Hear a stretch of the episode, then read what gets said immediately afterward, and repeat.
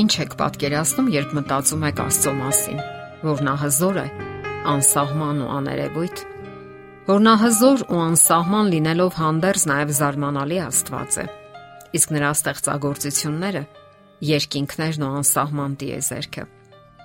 Իսկ ինչ կարծիքի եք մարդու մասին, այդ զարմանահրաշ ու տարօրինակ էակի մասին, որ Աստվածային արարչագործության պսակն է կամ գլուխգործոցը։ Նայեցեք հսկա լեռներին Երեխայի համեմատ նրանք շատ մեծ են, սակայն երեխան շատ ավելին է, քան լեռը։ Երեխան կարող է սիրել, բառեր թոթովել, նա կարող է գրկել ձեզ եւ արտասվել։ Նա կարող է ցնցել ձեզ, իսկ մարդը կարող է նաեւ երկրպագել։ Այո, նա է արարչագործության գլուխգործոցն ու պսակը։ Ես եւ դուք, մենք բոլորս։ Աստված այնքան հզոր ու միևնույն ժամանակ այնքան սիրող Նա կարող է շրջապատված լինել իր ստեղծած աշխարհներով, սակայն տխրել առանց մարդու։ Նա կարող է միայնություն զգալ առանց իրեն սիրող եւ փառաբանող մարդու։ Չէ՞ որ աստղերն ու անտառները չեն կարող խոսել, ճպտալ ու հաղորդակցվել իր հետ։ Կենթանի մարդն ավելին է, քան մենք պատկերացնում ենք։ Աստծո եւ մարդու սիրտը միաբանվել են երջանիկ եւ օրհնյալ միության մեջ։ Մենք զարմանալի Աստծո ենք երկրպագում։ Սակայն մի պահ դավաճանեցինք նրան եւ հեռացանք նրանից եւ Աստված ցավ զգաց դրանից ահա թե ինչու նա գտավ վերադարձնելու ճանապարհը որովհետեւ շատ էր սիրում մեզ նա համաձայնեց իր իսկ մահվանը հանուն մարդու նա համաձայնեց Գողգոթային խաչի մահվանը մեր Աստվածը զարմանալի Աստված է իսկ խաչի զոհաբերությունը նրա վշտի ու սիրո դրսևորումն էր Խաչն այն կամուրջն է, որ միացնում է Աստծուն եւ մարդուն բաժանող անդունդը, միացնում է երկինքն ու երկիրը։ Խաչը հավերժական սիրո խորհրդանիշն է։ Ինչպիսի Աստծո ենք մենք հավատում։ Մենք մահկանացու արարածներ ենք, սահմանափակ հնարավորություններով Եվ հաճախ հենց մեր սահմանափակ հնարավորություններն ենք տեղափոխում հոգեվոր դաշտ եւ Աստծո մասին մտածում մարդկային մեր նեղ, անկայուն ու փոփոխական պատկերացումներով, Մարդկանց մեծ մասի մոտ այդ պատկերացումները բավականին տարբեր են։ Մի մասը մտածում է, որ Աստված մի անզոր ու անտարբեր ծերունի է, ով նստում է երկնքում եւ հետևում է երկրի անցուդարձին։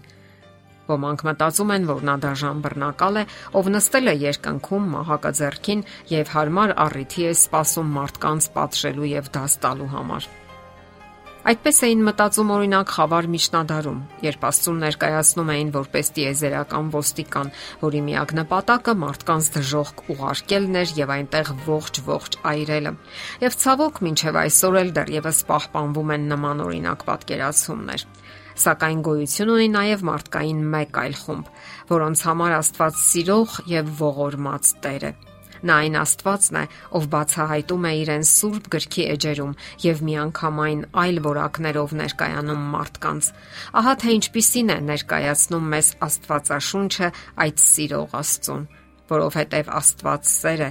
Սրանով Աստծո սերը երևաց մեզանում, որ Աստված իր միածին որդուն ուղարկեց աշխարh, որ նրանով կյանք ունենանք։ Սրանում է սերը, որ ոչ թե մենք սիրեցինք Աստծուն, այլ որ նա սիրեց մեզ եւ ուղարկեց իր որդուն որպես խավություն մեր մեղքերի համար։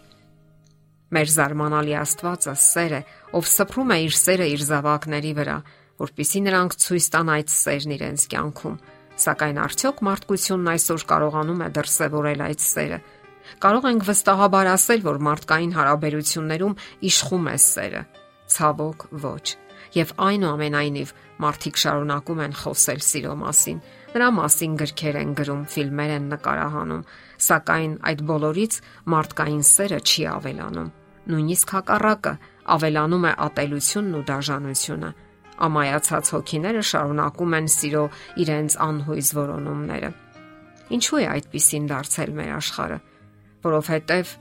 Մեր աշխարհը սերը որոնում է ոչ այնտեղ, որտեղ այն կա, եւ այն էլ առատորեն, որովհետեւ մերժվում է սիրո միակ ճշմարիտ աղբյուրը Քրիստոսը։ Աստվածաշնչում այսպիսի հրաշալի խոսքեր կան. Սիրելիներ, եթե Աստված այսպես սիրեց մեզ, ապա մենք էլ պետք է իրար սիրենք։ Աստծուն երբեք ոչ ոք չի տեսել։ Եթե իրար սիրենք, Աստված կբնակվի մեզանում եւ նրա սերը կատարյալ կլինի մեզանում։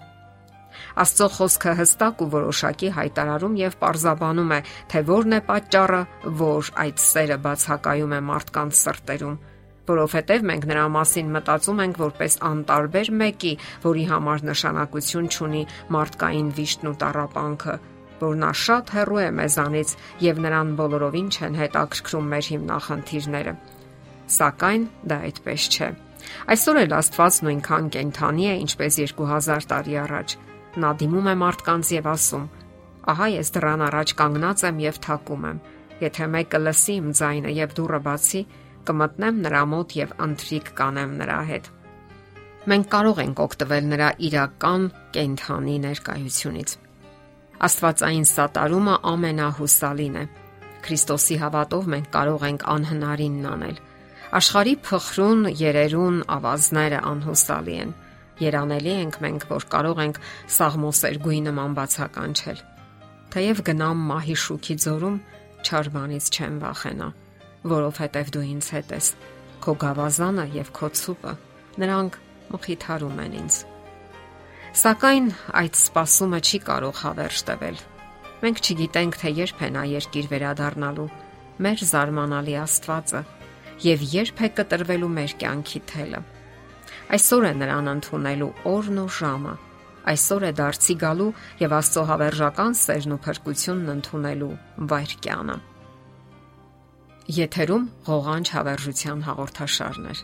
Ձեզ հետ է Գեղեցիկ Մարտիրոսյանը։ Հարցերի եւ առաջարկությունների համար զանգահարել 033 87 87 87 հեռախոսահամարով։